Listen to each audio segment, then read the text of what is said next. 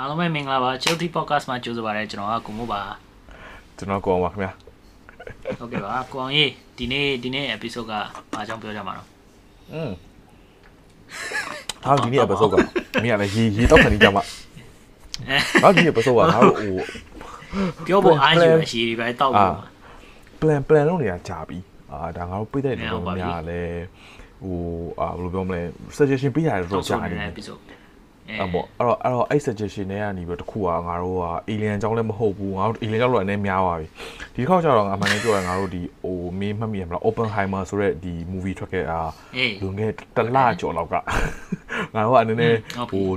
ဟို train wreck ကလည်းနောက်ကျတယ်လွန်ခဲ့တလကျော်လောက်ကဘာဘီနဲ့ Oppenheimer နှစ်ခုအတူထွက်ခဲ့တော့ကကြတော့အဲ့တော့ Oppenheimer movie တော်တော်လေး popular ဖြစ်တယ်ကွာ ဒါ movie အကြောင်းကိုနည်းနည်းလေးပဲပြောမယ်မှာဘာလို့ငါတို့ movie ကဘယ်လိုဘယ်လို movie မျိုးလဲအဲ့ဒါဆိုတော့ငါမင်းအေးနားနေနေကိုမင်း Oppenheimer အကြောင်း movie ကြည့်ပွားရလားမကြည့်ရတယ်ငါမကြည့်ဒါပေမဲ့ဘာအကြောင်းလဲဆိုတာတော့သိတယ်ဟိုဒီ episode အတွက်ငါ research လုပ်ရင်းနဲ့ဒီ Oppenheimer အစစ်ရဲ့ဟို live ဟို crash course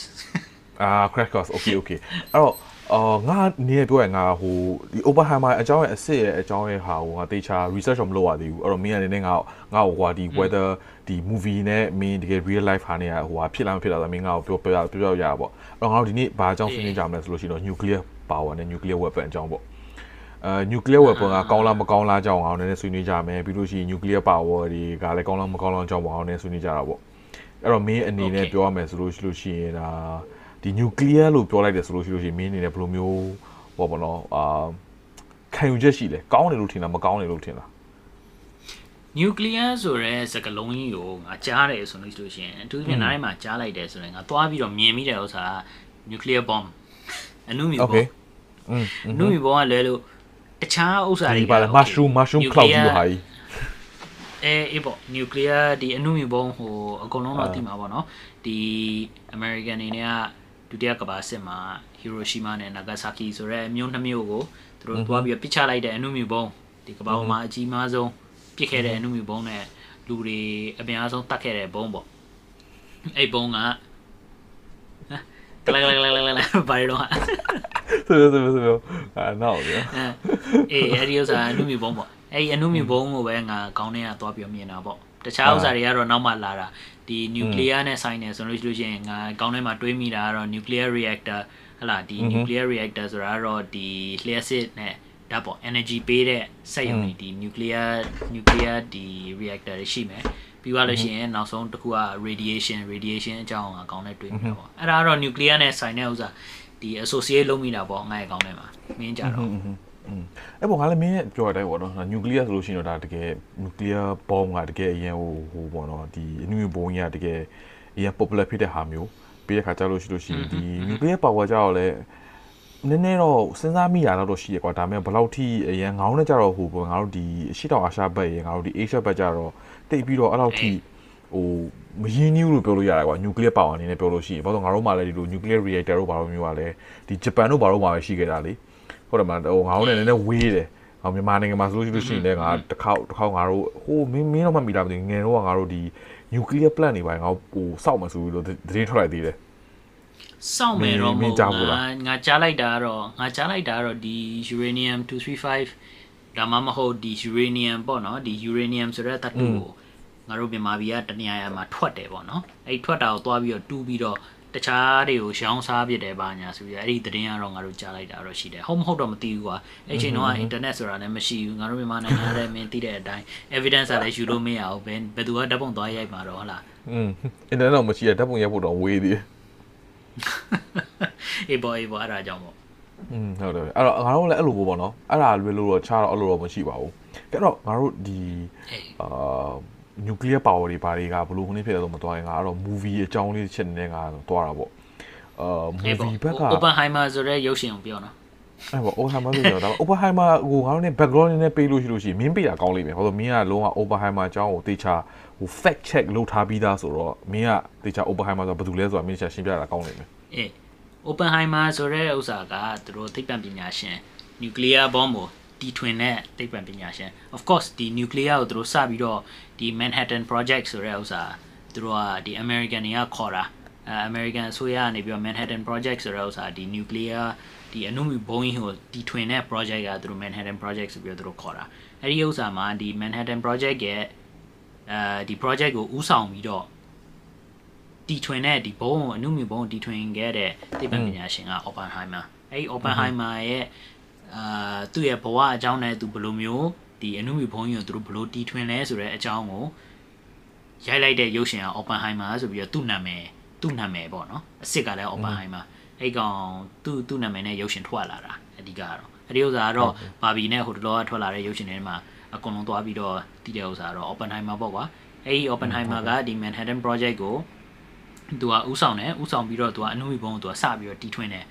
အဲတီထွင်ပြီးသွားပြီးတော့ သူကအနုမြူဘုံကိုသူတို့သွားပြီးတော့ test လုပ်လိုက်တဲ့အချိန်မှာဒါကတော့ဟိုငါဒီအတူကောက်ပဲပြောတာပေါ့နော်ဒီ Oppenheimer ကသူကဟိုအရန်ဟိုညံကောင်းတဲ့ဥစ္စာကွာမင်းသူတို့ university တွေ internship တွေအဲအဲ့ဒါတွေအမျိုးမျိုးတွေသူတို့သွားပြီးတော့သူတို့ Harvard ကိုသူသွားပြီးတော့ Harvard ကနေပြီးတော့သူဘွဲရလာတယ်ဟုတ်တယ်သူအဲအဲ့တော့သူကအရန်ညံကောင်းတယ်ကွာညံကောင်းပြီးတော့သူ့ရဲ့ဒီ mentor တွေပါညာတွေရှိတယ်သူတို့ Harvard မှာတွေ့ခဲ့တဲ့ဆရာတယောက်ရှိတယ်အဲ့သူ့ရဲ့ဆရာက ဒီ Manhattan Project ဆိုတဲ့ဥစ္စာကိုမစခင်မှာတခြားဒီလိုမျိုးအနုမြူဘုံလိုမျိုးသူတို့တွေတီထွင်တဲ့ဥစ္စာပေါ့နော်ဒီလက်နက်ကိုတီထွင်တာအဓိကဒီ new ဒုတိယကမ္ဘာစစ်မှာသူတို့တွားပြီးတော့စစ်တိုက်တဲ့အခါမှာသူတို့တွေကဘယ်လိုမျိုးဒီ access power တွေပေါ့နော်အထူးသဖြင့် Germany နဲ့ Japan တို့သူတို့ကဘယ်လိုမျိုးသွားချရမလဲသူတို့ဘယ်လိုနိုင်အောင်လုပ်ရမလဲဆိုတဲ့ဥစ္စာမှာသူတို့သူတို့ဘက်ကိုစစ်ကသူတို့ကစစ်တွေကကူးလာတယ်ဆိုလို့ရှိရင်သူတို့ဘယ်လိုမျိုးကာကွယ်ရမလဲဆိုပြီးတော့သူတို့က project တွေဒီလက်နက်တွေ တီထွင်နေတဲ့သူတို့အဖွဲ့အစည်းတွေရှိတယ် project မျိုးစုံသူကရှိတယ်ရှိတဲ့အထက်မှာ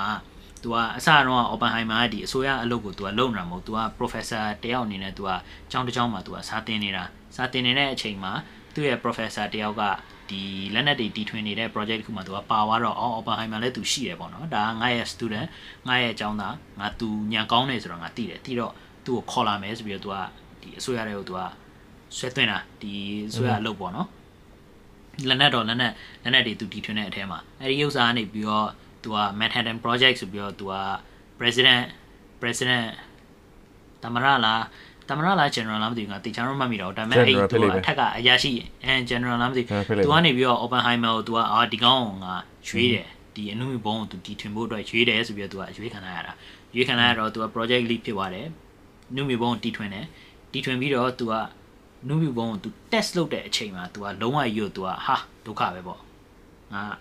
ဘာငါဖာငါဖာရွတ်တီထွင်လိုက်တာလဲဆိုပြီးတော့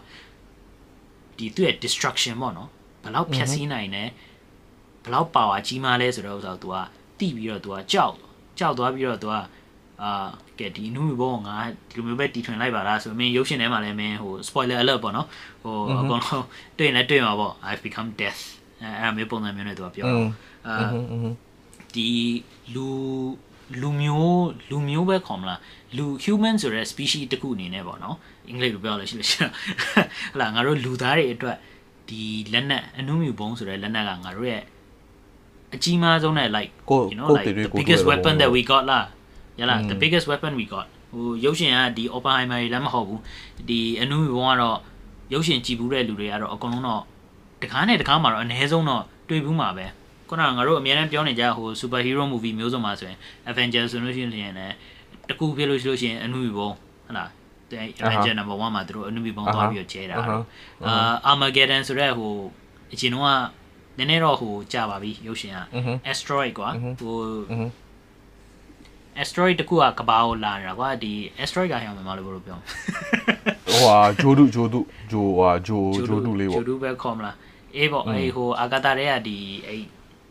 ဒီ asteroid ကြီးကဒီကဘာပေါ်ရောက်နေတဲ့အချိန်ကဘာပေါ်လာပြီးတော့ကအဲ့ Armageddon ရုပ်ရှင်တွေမကောက်တခြားရုပ်ရှင်တွေထဲမှာလည်းရှိတာပေါ့နော်ဒီကဘာပေါ်ဒီ asteroid တွေကလာပြီးတော့မှထိမယ်ထိလိုက်လို့ရှိလို့ရှိရင်ဒီ impact ကနေပြီးတော့ငါတို့လူသားတွေအကုန်လုံးတရဘာတွေအကုန်လုံးကိုတေအောင်တတ်လိုက်မယ်ဆိုတဲ့အခါကျလို့ရှိရင်ဘာလုပ်မလဲဒီဘက်ကအနုဘီဘုံနဲ့လှမ်းပစ် ကဘာပေါ်ကနေပြီးတော့အနုဘီဘုံနဲ့လှမ်းပစ်လှမ်းပစ်ပြီးတော့ရှင် asteroid ကိုမင်းဒီကဘာကိုလာပြီးတော့ထိမယ်အစားဘေးနားလေးကိုမင်းဟိုဗာလဲဒီ redirect လုပ်တာတော့ဗာညာအမျိုးတော့အများတော့တွေ့ဘူးမှာပဲအဲ့ဒါဒီရုပ်ရှင်ကအနုမြဘုံနဲ့ပေါ့နော်ဒါဒါတော့ငါဒီအနုမြဘုံအကြောင်းနည်းနည်းပြောတာပေါ့ဒီ nuclear weapon နဲ့ဒီ Oppenheimer ကဘာဖြစ်လို့ significant ဖြစ်လဲဆိုတော့ဒီလက်နက်ကငါတို့ကဘာပေါ်မှာလူသားတွေအနေနဲ့အကြီးမားဆုံးလက်နက် အဲ့ဒီဥစ္စာအပြင် nuclear energy နောက်တစ်ခုကအာ very green ပေါ့နော်ပြောရလို့ရှိလို့ရှိရင်ဒီ carbon emission မရှိဘူးကွာ carbon emission ဆိုတာကတော့ဟိုမှာ carbon dioxide တို့ဟလာသူတို့ carbon monoxide တို့အဲ့ဒါမျိုးတွေထွက်တယ် aircon တွေပိုင်းညာတွေဆိုလို့ရှိလို့ရှိရင်အဲ aircon နဲ့တော့မဆိုင်ပါဘူးဒီငါတို့ရဲ့ဒီ traditional coal တို့ fuel တို့ပေါ့နော်ဓာတ်ဆီတို့ပါတော့သုံးဓာတ်ဆီတို့ပါတော့ carbon dioxide carbon monoxide ထွက်တယ် ထွက်တဲ့အခါကျတော့ greenhouse gas ဆိုပြီးတော့သူကဒီလေတွေတဲကိုပြင်သွားတော့ငါတို့တွေတော့ဘာကြီးကပူနွေးလာတာတို့ global warming တို့ဘာလို့ညာတို့ဖြစ်တဲ့ဥစ္စာပေါ့နော်ဒါပေမဲ့ nuclear ကျတော့ nuclear energy ကိုသုံးတဲ့ဥစ္စာကအဲ့ဒီ carbon dioxide တွေ carbon mono carbon monoxide တွေမထွက်တဲ့အတွက်ကြောင့်ပို့ပြီးတော့ green ဖြစ်တဲ့ energy ဖြစ်တယ်ဟုတ်လားဟုတ်တယ်อืมအဲ့ဒါမျိုးတွေအကြောင်းအဲ့ဒီဥစ္စာလည်းစပြီးတော့ဒီ nuclear ကိုသူတို့စပြီးတော့တွေ့တဲ့ဥစ္စာကြောင့်အဲအဲ့ဒါမျိုးပေါ့ဒီ nuclear fission ကနေပြီးတော့သူတို့ energy ကိုဘယ်လိုယူလဲယူပြီးတော့ အဲ့ဒီ energy ကိုဘယ်လိုမျိုးအသုံးချလဲဆိုတဲ့ဥစ္စာနဲ့ပေါ့အဲ့ဒီဥစ္စာကတော့အာဒီ Oppenheimer ရုပ်ရှင်ကတော့ဘုံအကြောင်းပဲပြောတာဒါပေမဲ့ nuclear ဆိုတဲ့အကြောင်းကတော့ငါတို့လူသားတွေမှာအများကြီးအထောက်အကူပြုအထောက်အကူပြုတဲ့နေရာတွေလည်းအများကြီးပဲပေါ့အဲ့ဒီဥစ္စာတွေမကောက်ဘူး nuclear ထွက်တဲ့ radiation ပေါ့အဓိက radiation radiation အထောက်အကူပြုလို့လား လူတွေကိုဘယ်လိုဖြစ်လို့တတ်လဲဆိုတဲ့ဥစ္စာ။အော်โอเคโอเค။အဲအဲ့ပေါ့အထောက်ကူအထောက်ကူပြုတဲ့ဟာတွေကိုပြောနေရင် radiation မှာပါတော့ငါတို့လည်းမဟုတ်ဘူးငါမဟုတ်ငါပြောချင်တာဟိုအထောက်ကူပြုတာလည်းရှိတယ်လူတွေအတွက်မကောင်းဘူးရှိတယ်ပေါ့နော်အဲမကောင်းတာရှိကောင်းတယ်မကောင်းတာနှစ်ဖက်စလုံးပြောတာပါဟုတ်ပြီတီးပါမတီးပါမြန်မာစကားကောင်းတော့ရောပါအဲဟိုအဲ့ပေါ့ငါတို့ဒီ nuclear ဟိုဟာဒီဟိုဟို energy day back ကိုမသွားခင်ကွာဒါက energy back ကိုဒီ bomb အတွက်ကွာအမှန် pros and cons ပေါ့ပြောလို့ရှိလို့ရှိကောင်းတာရှိလို့မကောင်းတာလည်းရှိတယ်မြင်ပြောရလဲမှန်တယ် အဲဘာလို့ဆိုရှင်ဒီအမ်ရုပ်ရှင်အနေနဲ့ပြောရမယ်ဆိုလို့ဒါကတော့ဒါမိကုနာအတွက်တော်တော်များအချက်တွေတော်တော်များရုပ်ရှင်ထဲမှာလည်းပါတယ်လို့ပြောရမယ်ဒါပဲဒါကလည်းဘာလို့လို့ရှိရင်ရုပ်ရှင်ကလည်းသူက document နီ documentary နီးနဲ့ရိုက်တာမဟုတ်ဘူးဒါပေမဲ့သူကတကယ်ဟိုရုပ်ရှင်ကားဒါပေမဲ့ documentary နီးပါးလောက်ကြီးကွာပြောမယ်ဆိုရင်ဒီသူတို့ရဲ့ facts တွေကလည်းမှန်တယ်ပြောလို့ရှိရင်ဒီတော်တော်လေးကိုလည်းမှန်တယ်ဒါပေမဲ့သူက Oppenheimer ရဲ့ဟိုဘဝအကြောင်းလေးကိုသူက follow နေလုပ်တယ်ကွာ Oppenheimer ကဘာလို့ဟိုတခြား scientist တွေနဲ့မတူဘူးလဲ ပြီးလို့ရှိလို့ရှိရင်ဘာလို့ Oppenheimer ကပို့ပြီးတော့ different ဖြစ်လဲဆိုတဲ့ဟာလေးကိုဘယ်လိုပို့ပြီးတော့ဘယ်လိုပြောမလဲသူသူ့ရဲ့ဘွားကအဲ့လောက်ထိမကောင်းခဲ့ဘူးလားဘယ်လိုမျိုးဟို emotionally affect ဟိုဘောနော်ဒီငါတို့ဒီစိတ်ပိုင်းဆိုင်ရာဘယ်လိုထိခိုက်လဲဒီငါတို့ဒီ nuclear bomb အဲ့အပိုင်းလေးကိုနည်းနည်းလေးပါတယ်ကွာပြီးလို့ရှိရင်သူ့ရဲ့ပြီးတော့သူ့ရဲ့ဟိုတခြားပို့ပြီးတော့ဟိုဘောနော်ဒီမင်းအဲ့ဘက်မှာတော့ cover မလုပ်ဘူးဒါအထူးမှန်ဆိုတော့သူ့ရဲ့ဘာအကြောင်းကိုသူကပို့ပြီးတော့ခုနေဖြစ်လဲဆိုရင်ငါတို့ Oppenheimer အနေနဲ့ကငါတို့ကဒီဟို movie ထွက်လာမှာတော့တည်တာကွာ movie မထွက်ခင်တော့ဆိုရင် nuclear weapon ဘယ်သူ create လုပ်ခဲ့ဆိုတာသိရင်သိလိမ့်မယ်ကွာအဲ့လိုထိနာမည်အကြီးမဟုတ်ဘူးအာဘာလို့မကြီးအကြီးမဟုတ်ဘူးဆိုတဲ့သဘောမျိုးကခါကြလို့ရှိရင် तू ကဟိုအမင်းကနာပြောတဲ့အတိုင်းပဲ तू ကဒီ Harvard မှာကျောင်းတက်တယ် Harvard မှာကျောင်းတက်ပြီးတော့ဒီ University တစ်ခုမှာ तू ကနေပြီးတော့ပေါ့နော်ဒီဟိုကျောင်းတက်နေတော့က तू နဲ့ဟိုတင်သင်ခန်းစာလေးနည်းနည်းပေးနေတော့ဟိုကျောင်းတက်တော့ပေါ့နော်ပြောလို့ရှိရင်တော့ဒါကျောင်းတငယ်ချင်းရဲ့ဟာဆိုဟိုပေါ့ဒီတငယ်ချင်းတွေနဲ့ဆိုလို့ရှိရင် तू ကဟို communist communist party နဲ့ affiliate ဖြစ်ခဲ့ဘူးတယ် okay affiliate ဖြစ်ခဲ့ဘူးတယ် affiliate ဖြစ်ခဲ့ဘူးတယ်ဆိုတဲ့သဘောမျိုးကလည်းဘာဖြစ်လို့လို့ရှိရင် okay အဲ့တော့ငါ movie တစ်ခုကြီးကွာဒါ spoiler alert အနေနဲ့ပြောတာတော့မဟုတ်ဘူးเนาะ movie တစ်ခုလုံးသူကအကြမ်းမင်းလို့လို့ရှိရင်အရန် movie ရဲ့ဟိုပေါ့နော်ဟိုတကယ်ဖြစ်ကြလားဖြစ်ကြလားမသိဘူးကွာဒါပေမဲ့သူတို့ရိုက်ထားတဲ့ပုံစံရဲ့သူတို့ script တွေထားတဲ့အကုန်လုံးအရန်ဟိုမိုက်တယ်မိုက်တယ်ဆိုတဲ့သဘောမျိုးကွာတချို့ scene တွေမှာဆိုလို့ရှိလို့ရှိရင်ကွာငါတို့ okay အဲ့ဒီ nuclear weapon ငါတို့ create လုပ်နေတာဗာလဲ ဘာဘသူ့ဟိုဟာဘယ်ဘယ်ဝေါ်ကိုတိုက်ဖို့အတွက်လဲဂျာမနီဂျာမနီနော် World War 2ဒါဒါနောက်နာစီဂျာမနီရဲ့ကဒီဒီ Axis Alliance တွေနဲ့ဒီဟိုဟာတော့ဟိုဟာတော့ဒီဟိုနေ့ဖြစ်တဲ့ဟိုဟာဟိုဂျပန်တို့အီတလီတို့ဟိုဟာတို့ကပြစ်ခတ်ဖို့အတွက်လုပ်တဲ့အာဟိုဟိုဘောမ်လို့ပြောလို့ရတာပေါ့အဓိကအချိန်နာဂျာမနီကိုချိန်နာဒါပေမဲ့သူတို့ဒီဒီဘုံကိုသူတို့တီထွင်ပြီးွားတဲ့အချိန်မှာ စစ်ကပြီးတော့ဂျာမနီကလက်မြောက်ပြီးတော့သူက surrender လုပ်သွားပြီရှုံးပေးသွားပြီရှုံးပေးသွားတော့ဘယ်သူသွားပြရမလဲဆိုဂျပန်ဂျပန်ကြံသေးတယ်လေအဲ့တော့ဂျပန်ဒါပေမဲ့ဘာလို့ဖြစ်လဲဆိုတာကိုမင်းစဉ်းစားမိလား test လုပ်တယ် number 1 number 2ကြတော့သူတို့ရဲ့ဒီ dominance ကိုသူတို့ကပြတာပေါ့ငါတို့ဒီလက်မှတ်ရှိတယ်ငါတို့ကကဘာပွားအကြီးဆုံးငါတို့ကဒီလုံးဝပါပါပဲမင်းတို့ မင်းတို့မှာတခုဖြစ်လို့ရှိလို့ကျန်ကမင်းတို့လည်းအကျဲခံရမယ်ဆိုပြီးတော့အဲ့မဲ့မင်းဘသူ့ကိုဘသူ့ကိုပြတာလဲဆိုတော့မင်းသိလားဒီထားဟိုကစဉ်းစားမိလားရုရှားဟုတ်တယ်အဲ့တော့ USSR ပေါ့အဲ့ဒီတော့ကျတော့ဒါကရုရှားရေလို့မဟုတ်သေးဘူးပေါ့နော် Soviet ပေါ့ USSR အနေနဲ့ဆိုတော့ movie movie တစ်ခုလုံးမှာက Oppenheimer အနေနဲ့ကလည်း World War 2ရဲ့သူက okay Oppenheimer တို့ဒီ science အကလုံးတွေကသူတို့ကဟိုစစ်ကြီးပြီးဖို့အတွက်ဆိုပြီးတော့စောက်တယ်ဒါပေမဲ့သူတို့ကသူတို့ရဲ့အနေနဲ့ပြောလို့ရင်သူတို့ရဲ့ perspective က လုံးဝဟိုဟာဒီ scientist အနေနဲ့သိပ္ပံပညာရှင်အရာအနေနဲ့သူတို့ကအရန်ကိုစိတ်ဝင်စားကြတယ်ဒီ atom ကိုဘယ်လိုမျိုးခွဲလဲဘယ်လိုမျိုး friction လို့သူတို့ကအရန်အဲ့အဲ့ပေါင်းသူစိတ်ဝင်စား bomb က bomb ဒါသူတို့ create လိုက်လိုက်တဲ့ဟာနေပြီးတော့ bomb ဖြစ်သွားတာဖြစ်သွားတာဒါပေမဲ့သူတို့ရဲ့အနေနဲ့သိပ္ပံသိပ္ပံဆိုင်ရာနဲ့ဆိုလို့သူတို့အရန်စိတ်ဝင်စားကြတယ် American government အနေနဲ့ကြောက်တယ်ဟိုသူကဒီခွဲတဲ့ဥစ္စာနဲ့ဖြစ်သွားတာ အဲ့ပေါ့ဒါဟိုတိတ်ပံကြောင်းတိတ်ပြီးတော့ငါတို့ cover မလုပ်တော့ဘူးဘာလို့လို့ရှိရင်ဟိုငါတို့လည်းတခြားရှင်းပြနိုင်မှာမဟုတ်ဘူးသိရမလားဒါပေမဲ့ဟိုပြောပြရမယ်ဆိုတော့တို့အဲ့ဒီ American government အနေနဲ့ကြောက်လဲဒီမိကုနာပြောရ Manhattan project ကို create လုပ်ပြီးသွားပါတော့အရင် pushing လုပ်နေကြတယ်ဒီ scientist တွေကိုဘာလို့တို့က scientist ကို pushing လုပ်လဲဆိုလို့ရှိရင်ဒါဟိုပေါ့နော်ဒီ movie ထဲမှာလည်းပါတယ်ဒါအပြင်မှာတကယ်လည်းဖြစ်ခဲ့ပါလိမ့်မယ်ကွာငါမှလည်းပြောမယ်ဆိုလို့ရှိရင်တို့မှာကတိုက်နေတဲ့စစ်ကဂျပန်နဲ့ဟိုဂျာမနီကိုတိုက်နေတာ ဂျာမနီကလည်းရှုံးလို့နီးပါဖြစ်နေပြီဆိုရယ်ဘာဖြစ်လို့လဲဆိုလို့ရှိရင်ဂျာမနီကတို့ကအဲ့ဒီမှာ World War 2ရဲ့ဒီ timeline တွေနဲ့ပြန်ကြည့်ရင်ဂျာမနီဟစ်လာနာဇီကနေပြီးတော့ဘာဖြစ်လဲဆိုလို့ရှိရင်တဝက်မှာတို့ကဒီ France ဘက်ကိုအသေးကိုတိုက်နေတယ်တိုက်နေချိန်မှာတို့ပထမတော့ကတို့ကရုရှားနဲ့တို့ကနေ 3D ဆိုင်လာပြီးသားငါတို့နင်တို့ကိုစစ်လာမတိုက်ဘူးမင်းတို့ကမင်းတို့ကပဲနေငါတို့ကတော့ AC နေမယ်ဆိုတော့တို့ကနေပြီးတော့ဟိုရှိပြီးသားဒါနားလည်မှုရှိပြီးသားဒါပေမဲ့အဲဘလိုမျိုးစိတ်ကူးပေါက်ပြီးတော့လည်းမသိဘူးသူကနည်းနည်းလေးဖင်ရားပြီးတော့ရုရှားကိုတော့ခုတ်တယ် တော့ရုရှားကိုသွားပြီးတော့တော့တိုက်တယ်အဲ့ချိန်မှာရုရှားကနေပြီးတော့ okay USS ကနေပြီးတော့မင်းငါ့ကိုလာပစ်တဲ့အတွက်ငါမျိုးပြန်တိုက်မယ်ဆိုတော့လုပ်တဲ့ခါကျတော့အဲ့ဒီချိန်မှာဘာဖြစ်လဲဆိုလို့ရှိရင်ဒီ France တို့ဘာလို့ဘက်ကနေပြီးတော့ဒီဟိုဘောနော် allies ဒီဟိုဟာဟိုဟာဟိုဟာ France England uh, UK uh, Canada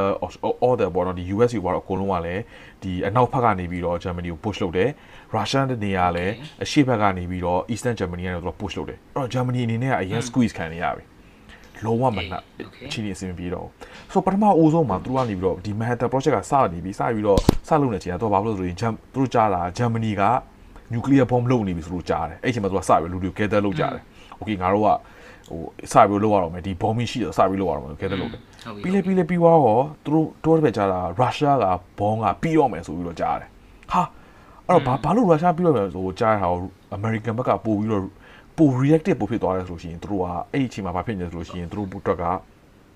ဒီ capitalist နဲ့ socialist ကနှစ်ခုကကွာနေတယ်အေး revolution တွေလည်းဖြစ်ထားတယ်ဆိုတော့တို့ကနေပြီးတော့ဒီငါတို့အခုဒီ US ရဲ့ government က capitalist ကိုအားပေးတယ် ideology နည်းနဲ့ပြောလို့ရှိရင်ပေါ့နော် Russia တွေဘက်ကကျတော့ capital socialist ကိုအားပေးထားတယ်အဲ့တော့တို့ကနေပြီးတော့အမှန်တကယ်ပြောရင်နိုင်ငံအနေနဲ့ကြည့်လို့ရှိရင်ငါတို့ကပိုတာတယ်ဆိုတဲ့ဟာကိုပြရမယ် ငါတို့ဒီ nuclear တွေမကဘူးငါတို့ space ဘက်ကိုသွားလို့ရှိလို့ရှိနေ space ကိုအပြိုင်သွားကြတယ်ဟုတ်တယ်မ Cold War တွေ့မှာပဲသွားအဲ့တော့အမေက Cold War က World War 2ပြီးမှစတာမဟုတ်ဘူး World War 2မပြီးခင်တည်းက Cold War စနေပြီအေးပေါ့အေးပေါ့ okay okay ဒါပေမဲ့တောင်းရင်တော့အနားမရှိလို့ကြာရှင်နေကြပြီပေါ့အေးအပြီးတော့အဲ့အပိုင်းတစ်ခုရှိတာအော်ငါ movie ကြည့်ရင်အဲ့အလဲမှာသူကနေပြီးတကယ်ဒီ meeting မှာသူကထိုင်နေပြီးတော့ဟိုဘောနော်ဒီဟိုဘောနော်ဒီ January ဘာလဲအကုန်ပါတယ်ပြီး Oppenheimer လည်းပါတယ်ကဲအဲ့ဒီတော့ ဘယ်မှာငါတို့ကျဲမလဲဆိုတော့သူပြော Russia Germany ကျဲလို့မရဘူး Germany က surrender လုပ်ခံနေနေပြီ okay ဟုတ်ပြီအဲ့တော့ဂျပန်ကိုကျဲမယ်ဂျပန်ကဘာလို့ငါတို့ Pearl Harbor ကိုလည်းသူကပြော Pearl Harbor ကိုလည်း attack လုပ်ထားတယ်ဂျပန်ကိုကျဲမယ်ဆို okay ဂျပန်မှာဘယ်နေရာကိုကျဲမလဲဆိုပြီးသူကဟိုနေဖြစ်တော့နေရာရွေးလိုက်တဲ့ Hiroshima နဲ့ Nagasaki သူက randomly ရွေးတာနော်ဟုတ်လားဘာမှဘာမှလုံးဝ reason လုံးဝမရှိဘူး okay okay randomly သူကရွေးပလိုက်တာ တိုကျိုလုံးလို့မရဘူးဆိုတိုကျိုလုံးလို့ရှိလို့ရှိရင်တိုကျိုမှာကသူတို့က emperor ရှိတယ်ဒါဒါကတော့ဒါအကြောင်းပြ emperor ရှိတဲ့အတွက်တိုကျို emperor တက်လို့ရှိလို့ရှိရင် emperor သွားတက်လိုက်လို့ရှိလို့ရှိရင်သူတို့ကလုံးဝအသေးခံတိုက်မယ်ဆိုပြီးတော့ဖြစ်သွားတယ်စစ်ကပြီးတော့ဟုတ်တယ် war ပြီးပြီးရင်မကမပြီးုံနဲ့မကဘူးသူတို့ဟိုဘက်ကအသေးတိုက်မယ်ဆိုတော့တိုကျိုမလုပ်ဘူးအဲ့တော့ဘယ်နေရာသွားလို့မယ်ဆိုလို့ရှိရင်သူတို့ okay Hiroshima နဲ့ Nagasaki ဆိုပြီးတော့သူတို့ကအဆုံးဖြတ်လိုက်ကြတယ်လုံးဝ there is no deep meaning မရှိဘူး ဒါ movie ထဲမှာပါအပြင်မှာဟုတ်ချင်ဟုတ်ပဲမဟုတ်ချင်မဟုတ်ဘူးဒါပေမဲ့ငါတီးတော့ပြောလို့ရှိရင်အဲ့ဒါနည်းနည်း the reason ကမှန်တယ်ဘာလို့သူတို့တော့ကဂျပန်ကိုဒီတိုင်းပဲဟွာလို့တယ်အဲ့တော့ငါမိကုနာပြောတဲ့အတိုင်းပဲကွာ၃ချက်ကသူက power ပြခြင်းတယ်ပြီးရင်သူတို့ကဒီ atomic bomb nuclear bomb ရှိရဆိုတော့သူကပြတယ်တဲ့တစ်ခုကကြတော့ testing လုပ်ခြင်းတယ်အပြီးလို့ရှိရင်ဒီဒီ Germany ကရုရှားထက်ငါတို့ကတာရဆိုတော့သူကပြခြင်းတယ်အရင်ဦးဆုံးကွာမင်းလက်ဦးပြီးတော့ဘုံကျဲလိုက်တဲ့ခါကျလို့ရှိရင်မင်းကဒါ super super power စီလိုဖြစ်သွားပြီမင်းကဒီလိုဒီလောက်ထိ message ဖြစ်တဲ့ဟာကိုမင်းဘုံကျဲလိုက်မင်းက super power လုံးဝတကယ်လုံးဝကဘာမှာ power အမြင့်ဆုံးဆိုလူတိုင်းအကုန်စောင်းဝကြောက်သွားကြလိမ့်မယ်အေးပေါ့လို့ရှိရင်လူကလည်းမင်းကိုတီအာဒီကောင်ကအရန်တာတယ်အဲအဲ့လိုမျိုးပုံစံဖြစ်သွားကြပြီမယ်အဲ့အဲ့ဒါမျိုးကိုသူတို့ကနေပြီးတော့ခံယူချက်နဲ့သူတို့ကအဲ့လိုမျိုးပုံကျဲတာဒါကတော့ဒါဒီ U USA ဘက်ကပါလို့ဒီဂျပန်ဘက်ကိုကျဲတယ်ဆိုတော့ဒါလေးကိုဟိုအချုံချက်ဒုတိယတစ်ခုကအဲ့ဒီ movie ထဲမှာပို့ပြီးတော့အရန်ဟို movie ကွာဟိုရိုက်တာပထမတော့ okay ပါမိုင်းပွဲအစပိုင်းတော့တော်လေးပြမှုကောင်းတယ်ဘာဖြစ်လို့ဒီ socialist အကြောင်းတွေ capitalist တွေအာအရန်ကိုနည်းနည်းကွာလုံးဝနားနားမလို့စကားပြောလည်းအရန်မြန်တယ်သူတို့ရဲ့ English English ကစောင်းဝဲမြန်တယ်ငါထက်တော့ငါထက်တော့မြန်သေးတယ်တော်တော်မြန်တယ် okay okay okay နားမလဲတော့ထားလို့ပေါ့နော်ခုနကမင်းပြောတဲ့အဲဒီ socialist အကြောင်းပါညာလဲဒီ Oppenheimer က तू ကဒီ interaction ပဲရှိတာကွာဒါပေမဲ့ तू သူ့ရဲ့ဘဝမှာပေါ့နော် သူဥစားအလုတ်ထုတ်ခံရတယ်သူခဏခဏတစ်ခါလားနှစ်ခါလားမသိဘူးဘာဖြစ်လဲဆိုတော့ FBI ကအဲ့အချိန်တုန်းကဟိုဘုံကျဲပြီးွားပြီသူတို့လုံးဝပြီးွားပြီအဲ့ခါကျတော့ तू ကလုံးဝ hero ပေါ့နော်သူအတွက်ကတော့ तू ကအာဘယ်လိုပြောမလဲဒီလုံးဝလုံးဝဒီငါတို့ American တွေကနိုင်သွားတဲ့ဥစ္စာဒီသိပ္ပံပညာရှင်ကဒီဘုံကြီးကိုတီထွင်လိုက်လို့အဲ့ခါကျတော့လုံးဝဒီငါပဲ hero ပဲအဲ့ခါကျတော့သူ့ကိုဘွဲတွေပေးစုတွေပေးအဲ့ခါကျတော့သူ့ကို ဘာလုပ်မလဲဘာဆက်လုပ်မလဲဘာညာဆိုနေတော့ तू က American အစိုးရကိုလုံးဝမထောက်ခံဘူးမထောက်ခံတာ guideline တွေ support မ guideline လုပ် တွေထုတ် ဘူး တယ်အဲသူက guideline တွေသူကထုတ်တယ် guideline တွေ ဟုတ်တယ် guideline တွေထုတ်တဲ့ဥစ္စာကသူ့ကိုပေးခိုင်းတာ guideline ကိုပေးခိုင်းဒါပေမဲ့ तू က तू က American အစိုးရကို तू က favor မပေးဘူး तू က ဟုတ်တယ်သူတို့က American အစိုးရနဲ့သူတို့ကဖြစ်ချင်တဲ့ဥစ္စာကကြတော့ငါတို့ကအကြီးဆုံးငါတို့ကဒီလက်နက်ကိုကင်ထားတဲ့အတွက်သူကငါတို့ကကဘာကြီးကိုအုပ်ဆိုးတယ်ဆိုပြီးတော့သူကအဲ့လိုမျိုးပုံစံနဲ့ဖြစ်ချင်တာဒါပေမဲ့ Oppenheimer ကသူကအစောကြီးကလေးကသူကအနုမြဘုံသူတီထွင်ပြီးတော့စပြီးတော့ New Mexico ရဲ့ desert ကန်နာရထဲမှာသူတို့သွားပြီးတော့ test လုပ်တာသူတို့ကအဓိကအဲ့ test လုပ်တဲ့အချိန်မှာကိုနိုင်ကသူကသွားပြီးတော့ဟာဒီငါရဲ့ဘုံကတော်တော်ကြီးကိုတော်တော်ကြီးကို destruction များပါလားပေါ့နော်တော်တော်ကြီးကိုမင်း power များတယ်အမှလူတွေအကုန်လုံးတေကုန်မယ်ဆိုတော့အဲ့ကလေးကသူကစပြီးတော့သူ့ရဲ့ဘုံကို သူ့ရဲ့ဒီတီထွင်မှုကိုသူကဘုံဆိုပြီးတော့လူတတ်တဲ့ဥစ္စာမျိုးသူကမဖြစ်စေခြင်းဘူးမဖြစ်စေခြင်းပဲဒီ technology နဲ့ဒီအကုန်လုံးကဒီအစိုးရအောက်မှာပဲလေအဲ့တော့အစိုးရကသူ့ရဲ့ဥစ္စာအကုန်လုံးမပါဘူးသူကဘုံတွေပါလေသူကစပြီးတော့တီထွင်ပြီအဲ့အဲ့ဒါမျိုးပေါ့အဲ့ခါကျတော့သူကဘာမှမလုပ်နိုင်ဘူးမလုပ်နိုင်တော့သူတို့စစ်တွေပါပြီးသွားတဲ့အခါကျတော့သူက UN ဆိုတဲ့ဥစ္စာကိုသူက power ပို့ပြီးတော့ပေးခြင်းတယ် UN မှာငါတို့တွေ nuclear power တွေကိုဘယ်သူကလုံးဝမယ်ဘယ်သူက ဘသူကသုံးလို့ရတယ်ဘသူကသုံးလို့မရအောင်သုံးတဲ့အချိန်ကြလို့ရှိရင်ဘယ်အချိန်မှာသုံးလို့ရတယ်ဘယ်အချိန်မှာသုံးလို့မရအောင်ဘာညာဆိုပြီးတော့သူက guideline တွေထုတ်တာအင်းပေါ့သူကစီမင်းစည်းကမ်းတွေကိုသူကထုတ်တာသူက UN ကိုသူကဦးစားပေးပြီးတော့ထုတ်တာအမေရိကန်ကိုသူကဦးစားမပေးခြင်းဘူးဘာဖြစ်လို့လဲဆိုတော့အာအမေရိကန်တခုပဲသူကဒီဘုံရုပ်ကင်နိုင်ဆိုကဘာကြီးကိုအုပ်ဆိုးပြီးတော့အမေရိကန်ကိုဘာမှပြောလို့မရဘူးလေအကုန်လုံးအဲ့ဒါမျိုးသူကမဖြစ်စေချင်ဘူးဖြစ်စေချင်တော့အစိုးရအဲ့ကတည်းကမကြည့်ဘူးမကြည့်တော့သူ့အလုံးထုတ်ပလိုက်သူကအစိုးရအလုံးမှာသူမရှိတော့ဘူး မရှိတော့နောက်ပိုင်းကျတော့သူကျောင်းမှာစာတင်တာတော့ပါညာရှိတယ်အဲ့တော့ငါခုနကပြောနေတဲ့ FBI agent တို့ပါညာတော့ကသူ့ရဲ့သူ့ကို like ပြီးတော့သူကငကိုတော့ကသူက socialist သူကဖြစ်လာဒါ communist ဖြစ်လာဟိုကဖြစ်တယ်ဒီကဖြစ်တယ်ဆိုပြီးတော့သူ့ရဲ့အရင်တုန်းကအကြောင်းတွေကိုသူက like ပြီးတော့သူကထုတ်အဲ့တော့မင်းခုနကပြောလိုမျိုးပဲအဲ့ socialist အကြောင်းကလည်းသူကနည်းနည်းပါးပါအဲ့လောက်လေးပါလိုက်တာဘာဖြစ်လို့လဲဆိုတော့သူ့ရဲ့ဘဝကြီးနောက်ပိုင်းမှာဒီစစ်တွေပိုင်းပြီးသွားတဲ့အခါကျတော့ဒီသူ့ကို American အစိုးရကခဏခဏသူ့ကို socialist ဖြစ်လာ communist ဖြစ်လာဆိုပြီးတော့မဲဘူးတယ် like ဘူးတယ်အလုပ်ထုတ်ဘူးတယ်သူ့ပြန်လာရှာဘူးတယ်ဒါပေမဲ့တက်တည်အလုံးလောက်ရှိလားဆိုတော့မရှိဘူးဘာဖြစ်လဲဆိုတော့သူကဒီ American ဘက်ကပဲအကုန်လုံးပဲအဲ့တော့တကယ်တမ်းတကယ်တမ်းပေါ့နော် Oppenheimer မသိခင်တော့က communist တို့ socialist တို့သူ support လုပ်ခဲ့လားဆိုတော့တက်တည်အလုံးလောက်ရှိလားဆိုလည်းမရှိခဲ့ဘူးပြီးတော့သူက American ဘက်မှာပဲသူတစ်လုံးလုပ်ပေးတာပဲလေအဲ့ဒါကြောင့်မင်းကဟိုပထမအဆုံးအပိုင်းမှာနည်းနည်းပါးပါထည့်ပေးထားခဲ့တာဖြစ်မှာပေါ့အာ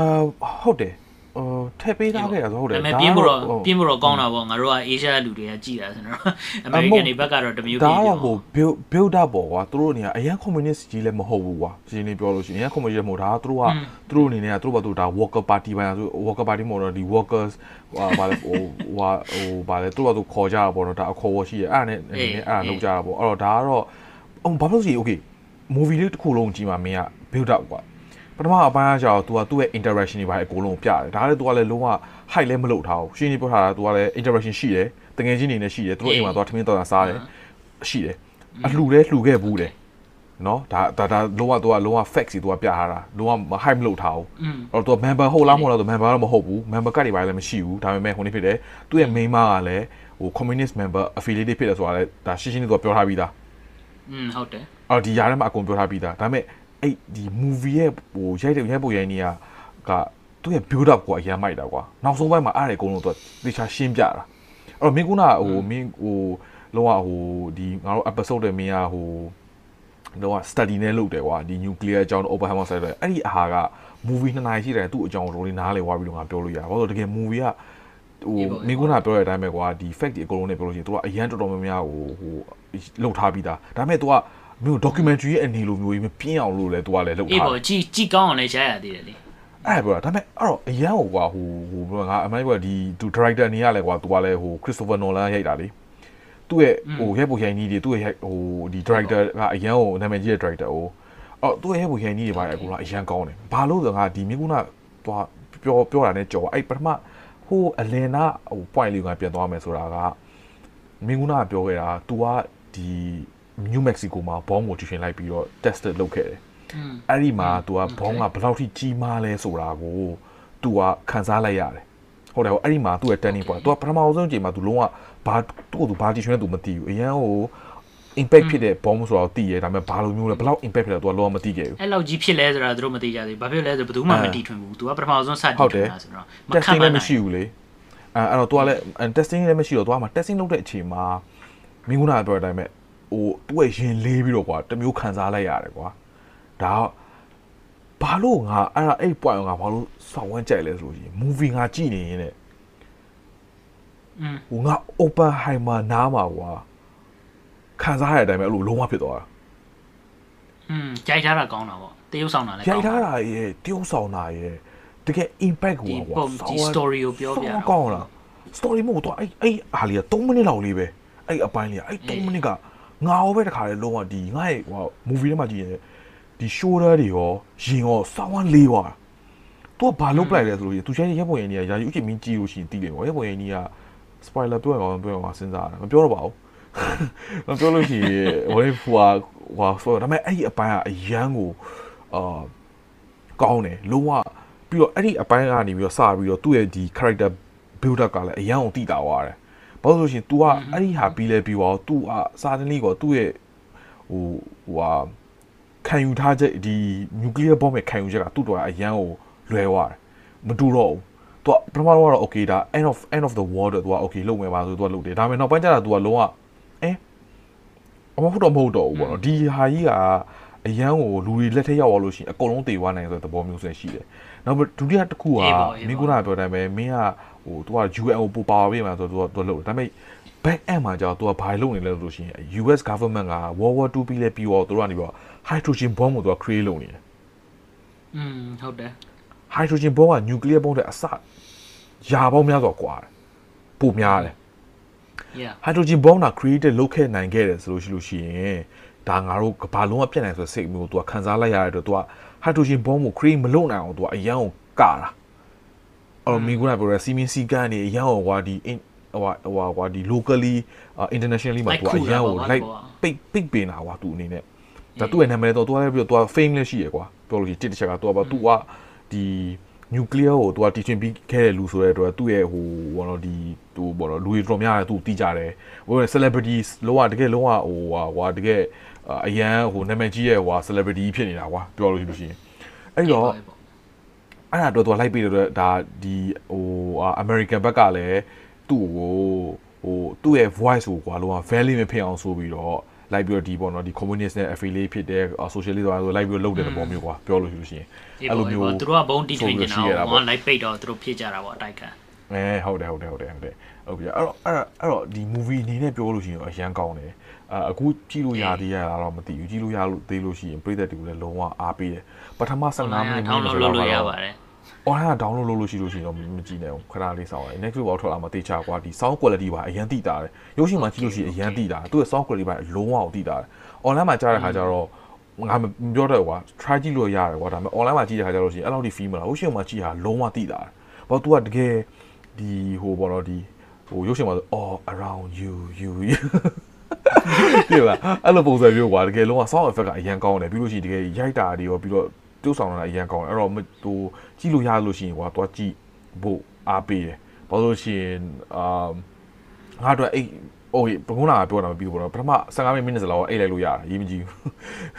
အလန်းကိုဆက်လို့15မိနစ်စလောက်မှနိုးပြီးတော့မှအမအဲ့ကြမှာစာပြီးတော့ကြည့်လို့ရှိရင်တော့အဲ့ဒါအရင်ကောင်းတယ်ဟောကျွန်တော်ငါတော့ကြည့်တော့ဆိုလို့ရှိလို့ရှိရင်လည်းအဲ့တော့အိတ်ရှင်တယ်လုံးဝဆောင်းဟိုဟာဒါပေမဲ့နောက်ပိုင်းအိမ်မှာဘုံကို testing လုပ်လဲလုပ်ပြီးသွားတော့ wow is so intense လုံးဝ intense အရင်ဖြစ်လာ ပြီးတော့ तू ဘလိုမျိုး storytelling ကအရင်အောင်ကောင်းတယ်အဲ့တော့ဒါက movie အနေနဲ့ပေါ့နော်အော်ငါတို့ nuclear power ဘက်ကိုချက်ပြန်သွားပြန်သွားအောင်ဒါ movie လေးအနေနဲ့ဒါ review လေးလည်းပေးတယ်ငါတို့တို့ရဲ့ဒီ back story လေးနဲ့ပေးတဲ့သဘောမျိုးပေါ့ အာ အဲ့တော့ main အနေနဲ့ nuclear မှာဆိုလို့ရှိရင်ကောင်းတာကောင်းတာဆိုတာရှိရကွာအော်ငါဟိုဟိုပြပြမယ်ဆိုလို့ရှိရင်တော့ဒီဟို nuclear bomb အနေနဲ့ပြောလို့ရှိရင်တော့ကောင်းတာရေလို့မထွက်လာဘူးကွာမနိုင်ပြောရင် อืม ဟုတ်တယ်မလား nuclear bomb အနေ ဘုံ နဲ့ အနေနဲ့ကြတော့ ဘုံအနေနဲ့ဆိုရင်တော့ကောင်းတယ်လို့မထွက်လာဘူးပေါ့ဒါပေမဲ့ nuclear ဆိုတဲ့ဒီ energy ပဲဒီ nuclear ဆိုတဲ့ဥစ္စာ energy ဒီသူတို့ဘုံတီထွင်လိုက်တာဒီ energy ကို destructive ဖြစ်သွားတယ်ပြီးသွားလို့ရှိလို့ရှိရင်လူတွေကိုဘယ်လိုမျိုးတည်အောင်လုပ်လဲဆိုပြီးတော့လုပ်တာအဲ့ဒါကြတော့ဘုံနဲ့သူမကောင်းဘူးပေါ့နော်ဒါပေမဲ့ကောင်းတဲ့အချက်ကြတော့ဒီ nuclear ဆိုတဲ့ဥစ္စာ energy ပဲကွာဒီ energy ကိုသူတို့ဘယ်လိုမျိုး harness လုပ်လဲဘယ်လိုမျိုးသူတို့ယူသုံးပြီးတော့လူတွေအတွက်ဘယ်လိုကောင်းအောင်လဲဆိုတဲ့ဥစ္စာတော့ကောင်းအောင်တော့လုပ်လို့ရတာပေါ့နော် ဟုတ်တယ်မလားအဲ့ပေါ့ဒါပေမဲ့ nuclear energy မှာလည်းငါငါတော့ကအခုကွာအမှန်လေ okay nuclear ကသူ renewable energy အောက်မှာထားထားတယ်မသိလားอืมဟိုသူကဟို clean energy အောက်မှာ nuclear ကိုသူ classify လုပ်တာ clean okay energy မှန်ပါတယ် renewable တော့မဟုတ်ဘူး renewable ပေါ့ clean energy အောက်မှာ okay ကောင်းပါဒါပေမဲ့ငါတခုကဟိုနေ့ဖြစ်တာ nuclear energy ရဲ့ waste တွေပါတွေရောပြီးလို့ရှိရင်ငါတို့ဒီ nuclear ဒီ plant တွေမှာကိုလည်းကွာမင်းသိတဲ့အတိုင်းပဲငါတို့ဖြစ်ခဲ့တဲ့ဟာတွေအခုဆို recently မှာဆိုလို့ရှိရင်မင်းမှတ်မိရမလား ဂျပန်ကနေပြီးတော့သူတို့ဟိုဟို Fukushima မှာသူတို့ကနေပြီးတော့ Fukushima လား nuclear radiate Fukushima- radi- အဲ့ Fukushima treated မှာလား water ကိုသူက treated water ကိုသူကဟိုရှီပင်လယ်ထဲကိုပြန်ပြီးတော့ထုတ်တဲ့အကြောင်းမလားမင်းပြောတယ်ဥစားအဲဟုတ်တယ် Fukushima Fukushima အာ Fukushima ဟုတ်တယ် Fukushima မှာ Fukushima မှာသူတို့ nuclear plant နေပြီးတော့ earthquake ကြောင့်ဖြစ်ခဲ့တယ်အဲ့ဒီတော့ကနေပြီးတော့သူကနေပြီးတော့ဒီဟို nuclear plant ကိုကွာဒီ nuclear core ကအရင်ကို cooling လုပ်ရတယ် ပူတော့အဲ nuclear core ကိုသူကနေပြီး cooling ပေါ်တော့ခုနကပြော cooling လုပ်ဖို့တော့ဆိုပြီးရေတွေပေါ့ပင်လယ်ရေတွေတုံးထားတယ်အဲ့တော့အဲ့ဒါတွေကနည်းနည်းဟိုဟိုလူတွေကပြောကြတာတော့ဒါနည်းနည်းဟိုဟိုလိုပြောမလဲ contaminated ပေါ့နော်ဒီ nuclear ဟိုပေါ့နော်ဒီဟိုဟာ radiation နဲ့ရှိတယ်လို့ပြောကြတယ်ကွာဒါပေမဲ့ဟိုဟိုဂျပန်အနေနဲ့ကြတော့လေပြီးလို့ရှိရင် international organization တွေကလည်းဒါက treated လုပ်ပြီးသွားပြီဟို radiation ကလုံးဝ acceptable range ရှိပါတယ်ဆိုပြီးတော့သူကပြောပြီးတော့ဒါရေ release လုပ်ဖို့အတွက် planning လုပ်နေပြီ အဲ့ဒါမို့ဟိုအဲ့ဒါဂျပန်ဟိုဟာ prime minister prime minister လာဟိုဒီ major လာတော့မသိဘူး news မှာတွားပြီးတော့သူကအဲ့ဒီ treated water ရဲ့ငါးရဲ့ sashimi စားပြတယ်ရေမတော့ဘူးငါးရဲ့ sashimi စားပြတာဘာလို့ငါးအရေးကြီးဆုံးဘာလို့ဆိုလို့ရှိရင်ရေကိုသူတို့ကတော့တွန်ချတဲ့အချိန်မှာအဲ့ဒီနားကပင်လယ်ပြင်ကငါးတွေအကုန်လုံးကဂျပန်ကိုရီးယား China အာပြီးလို့ရှိလို့ရှိရင်ဗာလဲဒီဖိလစ်ပင်းဘက်ကအကုန်လုံးကိုရောက်သွားတယ် အဲ့တော့အကုန်လုံးကလည်းအရန်ကိုကြောက်သွားကြတယ်ကွာပြောလို့ရှိရင်အေးပေါ့စိတ်ပူတာပေါ့အဲပြီးလို့ရှိရင်အခုအဲ့အဲ့ဒီအတော်တွင်းရဆိုလို့ရှိလို့ရှိလို့ရှိရင်ရီလဲရီရတယ်ငါ news မှာကြည့်နေတာ Korea fish market ကိုသွားလို့ရှိလို့ရှိလို့ရှိရင် fish market တိုင်းမှာသူတို့က radiation gun ရှိတယ်အဲ့တော့ငါးမွေခင်မှာသူကငါ့ကို radiation ကိုတိုင်းပြီးတော့သူကငါ့ဝယ်တာအေးပေါ့အေးပေါ့อืมဘာလို့လဲဆိုတော့ကွာဒီဒီ concern ကဘယ်ကလာလဲဆိုတော့ radiation က um ဒီအစိုးရအစိုးရဘက်ကပေါ့နော်သူတို့ဘာပြောလဲဆိုတော့မှန်မှန်တော့မသိဘူးကွာသူတို့ပြောတာကတော့မှန်တယ်လို့ပြောတော့ငါတို့ကလည်းဒီသူသူတို့ရေမှန်တယ်လို့ပြောရမှာပေါ့ရေကတော့ရေထဲရောက်သွားပြီပေါ့ကွာရေကတော့ပင်လယ်ထဲပင်လယ်ထဲရောက်သွားပြီမကွာလားငါတို့လည်းဖဘာတ်တက်လို့နိုင်ရတာမမဟုတ်ဖလို့တ်ရသေးဘူးမလားတဲ့တဲ့ရောက်သွားပြီရေထဲရောက်ဖသွားတ်ရပြီသေးရောက်သွားပြီလားရောက်ပါပြီရောက်ပါပြီအာ so anyway ဘာဖြစ်သွားလဲဆိုတော့ဒီအရာဝတ္ထုတိုင်းอ่ะဟုတ်ကွာပါပြီငါတို့ဒီအေးရောက်သွားပြီအဲ့တော့ငါတို့ဒီ TV တွေငါတို့ monitor တွေကလည်း radiation ရှိတယ် microwave ငါတို့သုံးတဲ့ဥစ္စာလည်း radiation ရှိတယ်အခုငါတို့ဖုန်းတွေကလည်း radiation ရှိတယ် radiation ကအဓိကကွာသူနှစ်မျိုးရှိတယ်ကွာသူက electromagnetic radiation ဆိုတာရှိတယ်ပြီးသွားလို့ရှိရင် nuclear radiation ဆိုတာဥစ္စာနှစ်ခုအဲ့ဒါမျိုးနှစ်ခုရှိတယ်ကွာ electromagnetic radiation ကငါတို့ရဲ့ဒီ phone တို့ monitor တို့အဲ့ဒါငါတို့ရဲ့ဒီ cell signal satellite signal အဲ့ဒီဥစ္စာတွေကနေ့တိုင်းသွားနေတာပဲလူတွေကအများနဲ့ expose ဖြစ်နေတာပဲဟုတ်တယ်ဒါပေမဲ့ radiation ကဘယ်အချိန်မှာပို့ပြီးတော့ deadly ဖြစ်လဲဆိုရင်တော့ သူက high amounts of radiation ကွာသူက radiation ကသူကမီတာနဲ့တိုင်းလို့ရတာပဲပေါ့နော်သူက high frequency သူကပို့ပြီးဖြစ်သွားလို့ရှိရင်သူက power ပိုများတယ်ပို့ပြီးထည့်တယ်ဆိုရင်ပို့ပြီးဝေးဝေးရောက်တယ် radiation ကလည်းပို့ပြီးပြင်းလာတယ်ကွာအဲ့ဒါကြောင့်မင်းအထူးသဖြင့်မင်း x-ray တို့ဘာတို့သွားတယ်ဆိုလို့ရှိလို့ရှိရင် x-ray ကိုခဏခဏမရိုက်ခိုင်းတချို့နေရာတွေဆိုလို့ရှိလို့ရှိရင်မင်းကိုကာထားတာတို့ဟလားအဲ့ဒါမျိုးရှိတာတော့မင်း x-ray ရိုက်နေတဲ့အချိန်ကြာလို့ရှိရင်သူကမီးတွေဘာတွေဖွင့်ပြီးတော့ကဲ x-ray ရိုက်နေမင်းတို့မသွားပါနဲ့မလိုအပ်တဲ့လူတွေမဝင်ပါနဲ့ပါညာအဲ့ဒါမျိုးပေါ့နော်အာအာအာအာ okay အဲ့ဒီတော့ အာငါတို့တွေ x-ray ကြတော့သူက radiation ပို့ပြီးမြင့်လိုက်တာပို့ပြီးပြင်းလိုက်တာပြင်းလိုက်တဲ့အခါကျတော့ငါတို့ခန္ဓာကိုယ်ကအထဲကိုသူကမြင်ရတယ်အာအဲ့အချိန်ကျတော့ငါတို့တွေက radiation ကိုငါတို့ကပို့ပြီးထိသွားဒါပေမဲ့လူရဲ့ခန္ဓာကိုယ်က radiation ကိုသူက certain amount အထိပေါ့နော် certain limit အထိတစ်ခုခုအထိကိုခံနိုင်တယ်ခံနိုင်တဲ့အပြင်သူကပျက်စီးသွားတဲ့သူရဲ့ဒီ cell တွေပါညာတွေကကိုယ့်ဘာကို self repair လုပ်နိုင်တယ်ကိုယ့်ဘာကိုသူကပြန်ပြီးပြင်နိုင်တယ်ကွာ ဒါပေမဲ့အရန်ကြီးကိုပြင်းသွားတဲ့အချိန်ကျပြင်းလို့လည်းမရတော့ပြင်းလည်းမပြင်းနိုင်တော့လုံးဝပျက်စီးသွားတယ် Wolverine ဖြစ်သွားတာလုံးဝအဲအဲ့တော့ Wolverine ပုံစံမျိုးပေါ့ငါတို့အနေနဲ့အကျဉ်းနဲ့တော့ငါတို့က there is a little bit of Wolverine in us အဲ့တော့မင်း regenerate လုပ်နိုင်တဲ့ဟုတ်စားတယ်အမောင်းနဲ့သူကပမာဏနဲ့ကြော်ပါလို့ဆိုလို့ရှိရင်ပို့ပြီးတော့ deadly ဖြစ်ပြီအထူးဖြင့် nuclear radiation တွေအဲ့ဒါကြောင့် သူကပို့ပြီးတော့များတာ radiation ကတော့မင်းခုနကတော့မင်းပြောလိုမျိုးမင်း scientifically ကမင်းသိပ္ပံပညာနဲ့ရလို့ရှိရင်ငါတို့ကရှင်းရတာတော့ခက်တယ်ဒါပေမဲ့အရှင်းဆုံးပြောရလို့ရှိလို့ရှိရင်တော့ဒီ nuclear တွေကငါတို့ရဲ့ atom တွေကိုသူက break down လုပ်တာဒီက atom တွေကို break down လုပ်တယ်အဲ့ဒါမျိုးအတွက် nuclear radiation ကငါတို့ကိုထိတယ်ဆိုလို့ရှိရင်ငါတို့ရဲ့ DNA ကိုငါတို့ကသူတို့ကပြောင်းပလိုက်တာဒီ radiation အာ exposure ကြောင့်အာဒီ radiation exposure ကြောင့် nuclear radiation ကအဲ ငါတို့တွေကိုအဓိက DNA breakdown ဖြစ်သွားတော့ကွာလူကလူနဲ့မတူတော့ဘူးအထူးသဖြင့်ငါဒီဥစ္စာတွေဒီ episode အတွက်ပေါ့နော်ငါ research လုပ်နေတဲ့အချိန်မှာဒီ Chernobyl nuclear disaster မင်းတို့ဟို series လည်းရှိတယ်ကြာရင်ကြာဘူးမှာပေါ့အဲ Chernobyl ဆိုတော့အဲအဲဟိုရုရှား nuclear disaster ရှိတယ်အဲပြီးသွားလို့ရှိလို့ရှိရင်အာတခြား nuclear disaster တွေလည်းဒီကပောင်မှာအများကြီးရှိအာတိတ်တော့အေးပေါ့ဒီ Google မှာရှာကြည့်ရင်တော့တွေ့မှာပေါ့ငါပြောချင်တဲ့ဥစ္စာကဒီ Chernobyl disaster မှာဆိုလို့ရှိလို့ရှိရင်ဥပမာဆိုလို့ရှိရင်သူတို့စပြီးတော့ firefighter တွေမိသားသမားတွေသွားပြီးတော့ Chernobyl ကမီးလောင်တဲ့နေရာတွေမီးသွားတတ်တဲ့လူတွေအကုန်သိတယ်သူတို့ဟုတ်တယ်ပထမဆုံးသူတို့မီးတက်တဲ့အချိန်တော့ဟာသူတို့ကတော့ဘာမှမဖြစ်ဘူးပေါ့လာဟာငါတို့ရဲ့ဒီနေရာတွေကပေါ့နော် radiation တော်တော်များများများမှာပဲပေါ့သူတို့ဒီပြောတဲ့ဥစ္စာပေါ့နော်ဒီ documentary သူတို့ document လုပ်ထားတဲ့အထဲမှာသူတို့တငယ်ဒီ firefighter ဒီမိသားသမားအချင်းချင်းအတော်မှသူတို့ဟာတာဒီစတဲ့အနေနဲ့နောက်တဲ့အနေနဲ့သူတို့ကတော့ပြောတော့ပြောနေသေးတယ်ပေါ့နော်ဟာအဲ့ဒါမျိုးဆိုငါတို့မနေ့ကညရင်ရှင်အောင်ရှင်မမှမသိဘူးဟာဟာဆိုပြီးသူတို့ကရှီနေလိုက်တာပေါ့အာပြီးတော့နောက်နေ့လဲရောက်လုံးဝဆေးဝင်ရောက်ဆေး ဝင်ရောက်သွားပြီးတော့သူတို့တိတ်တောင်မရှင်ဘူးဘာဖြစ်လို့လဲဆိုတော့သူတို့တွေရဲ့ဒီ symptom တွေကဘယ်လိုဖြစ်လဲဆိုတော့သူတို့ဟိုမှာစပြီးတော့အန်နေအန်ပြီးတော့မှအီပန်းနေအီပန်းတဲ့ဥစ္စာတော့မှမင်းသွေးနဲ့ပန်းတာဒီရိုးရိုးပန်းတာမအာဟုတ်အာအာအာပြီးသွားလို့ရှိရင်လူကြီးကဖောလာတာတို့ဒီခြေထောက်ကြီးဖောလာတယ်ရောင်းလာတယ်သူ့ရဲ့ဟိုအသားအရှိအရှိပြားတွေပိုင်းညာကြီးကအကြီးကြီးတောင်ကြီးသွားတယ်ပြောတယ်ဖြူပြီးတော့ဖြူတာကနေပြီးတော့နောက်အဆင်းကျတော့ပို့ပြီးတော့ကြီးလာတာတို့ဘာညာအဲ့လိုမျိုးတွေရှိတယ်ကွာအာအဓိကဘာဖြစ်လဲဆိုတော့အာ DNA ကို तू ကလုံးဝပြောင်းလိုက်တော့လူရဲ့ခန္ဓာကိုယ်ကလုံးဝပြောင်းလဲသွားတာပြောင်းလဲသွားတဲ့ဥစ္စာ ਨੇ အာဘယ်လိုပြောမလဲပြန်ပြီးတော့ပြန်ပြီးတော့ repair မလုပ်နိုင်တော့ဘူးပေါ့ခုနကပြောလိုမျိုးအဲ့ဒါကြောင့်အဲ့ဒါကနေပြီးတော့အဲ့ဒါကနေပြီးတော့ကြာလာတော့အဲ့ဒါနဲ့လူတွေကတည်ကြတာဒီကအေးပါအေး radiation ထိသွား radiation ထိသွား radiation ထိသွားတာ အဲ့ဒါအဲ့ဒါကတော့အဓိကပေါ့ဒီအဲ့ဒီဥစ္စာအပြင်ဒီ nuclear nuclear အကြောင်းကိုအောင်လည်းပြောတာခဏနေငါဒီဒီ nuclear nuclear ကအဲ့ဒီဥစ္စာအဲ့ဒီဥစ္စာတွေမကောက်ဘူးကွာဒီကောင်းတဲ့ကောင်းချက်လဲသူကရှိတယ်ကောင်းချက်ကဘယ်လိုရှိလဲဆိုတော့အာ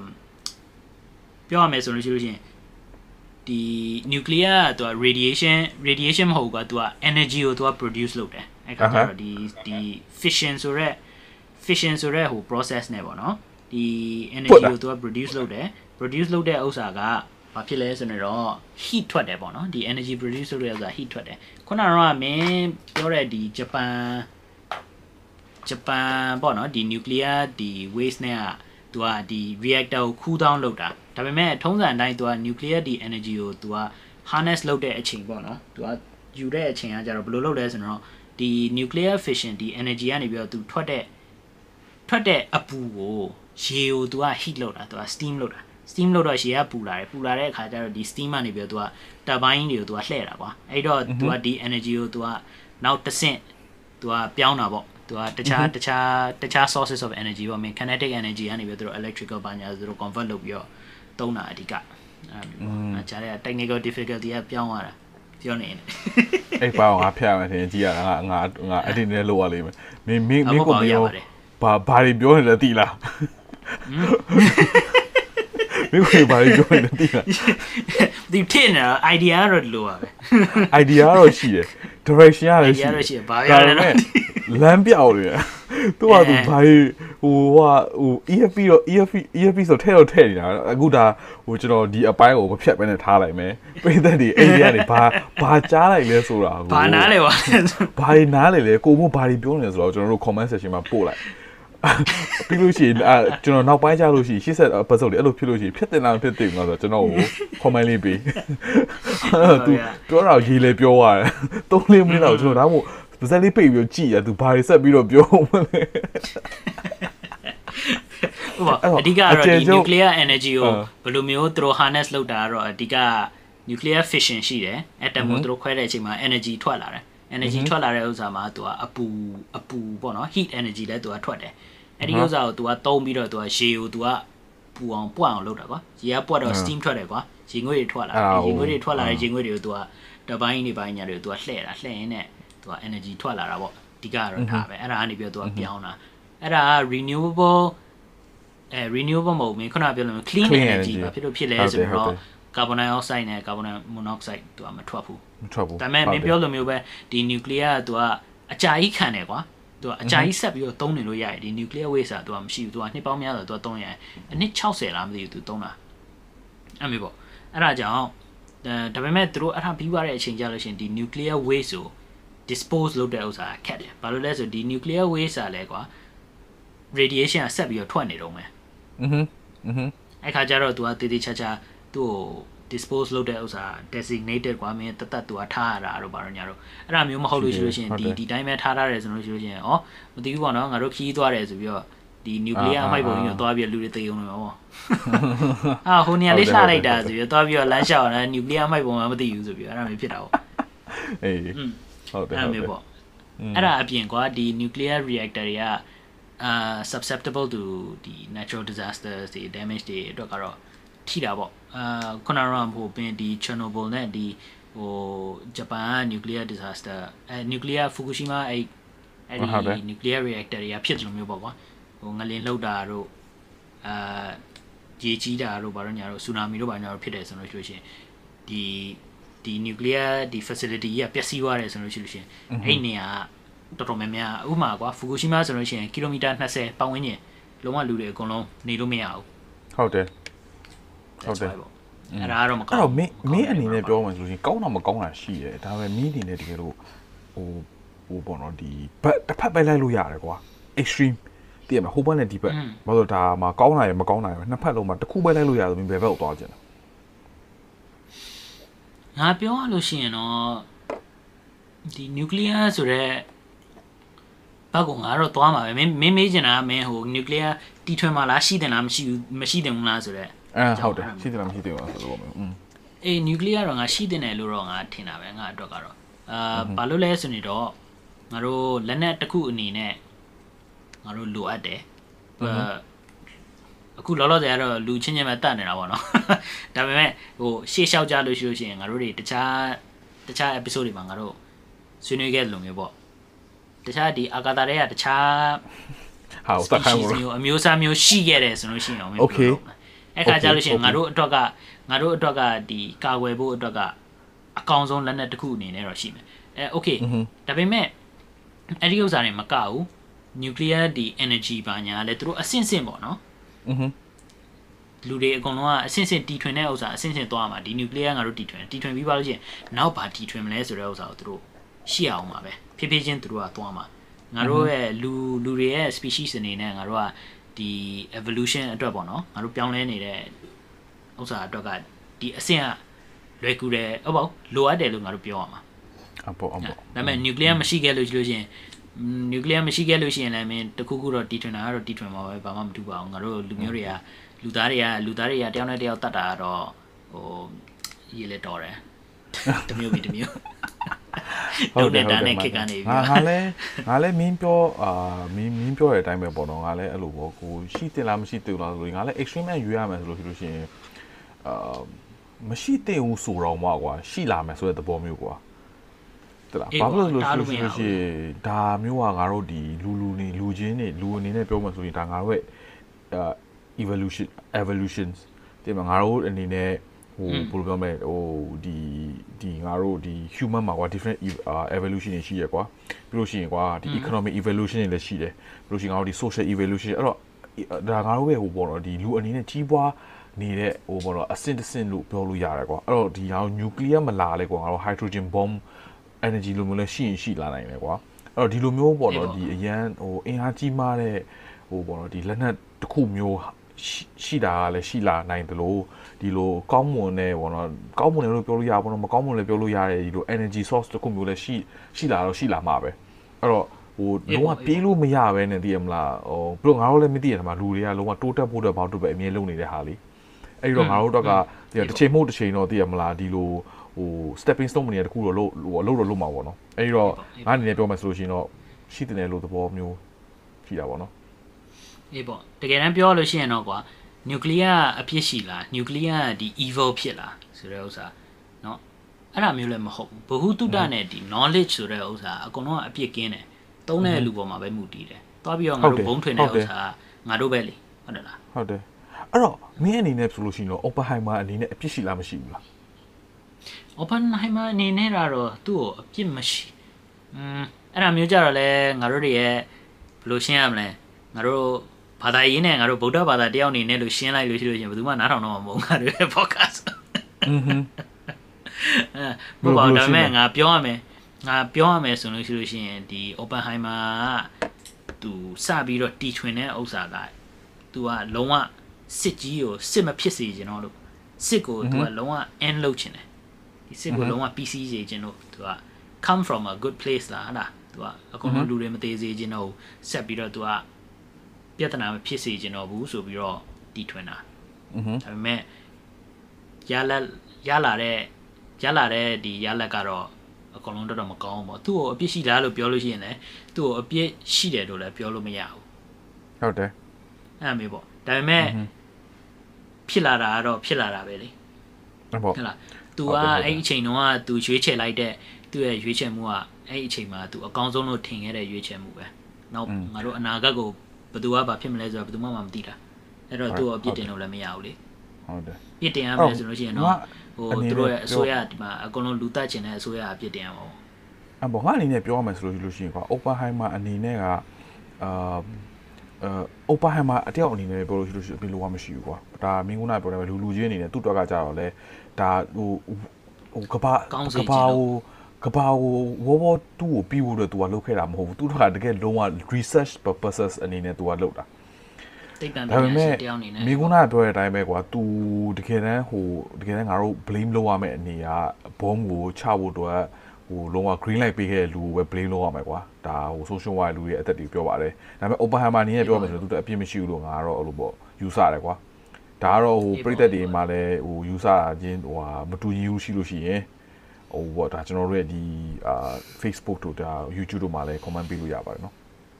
ဟုတ်ကဲ့ပါဗျာကျွန်တော်တို့ရဲ့ဒီ episode ကအကုန်လုံးကိုဟုတ်ပါပြီတူတာလေးနည်းနည်းပါပါဖြစ်စေဖြစ်စေဖြစ်ပါစေဖြစ်ပါလေနည်းနည်းဖြစ်ပါလေဒါပေမဲ့ဟိုပေါ့ဒီအာကျွန်တော်တို့ရဲ့ဒီ episode လေးကတော့အမောဒီဒီဒီမှာပဲရက်နာမယ်နောက်ပြီးတော့ကျွန်တော်တို့ဒီဟိုပေါ့နော်ဒီကျွန်တော်တို့ရဲ့ခုနပြောခဲ့တဲ့ပေါ့ Overheimer movie လေးကိုကြည့်ပြီးသွားပြီဆိုလို့ရှိလို့ရှိရင်လည်း comment ပေးလို့ရတယ်ဒါပေမဲ့ကျွန်တော်တို့ရဲ့ဒီပေါ့နော်ဒီ nuclear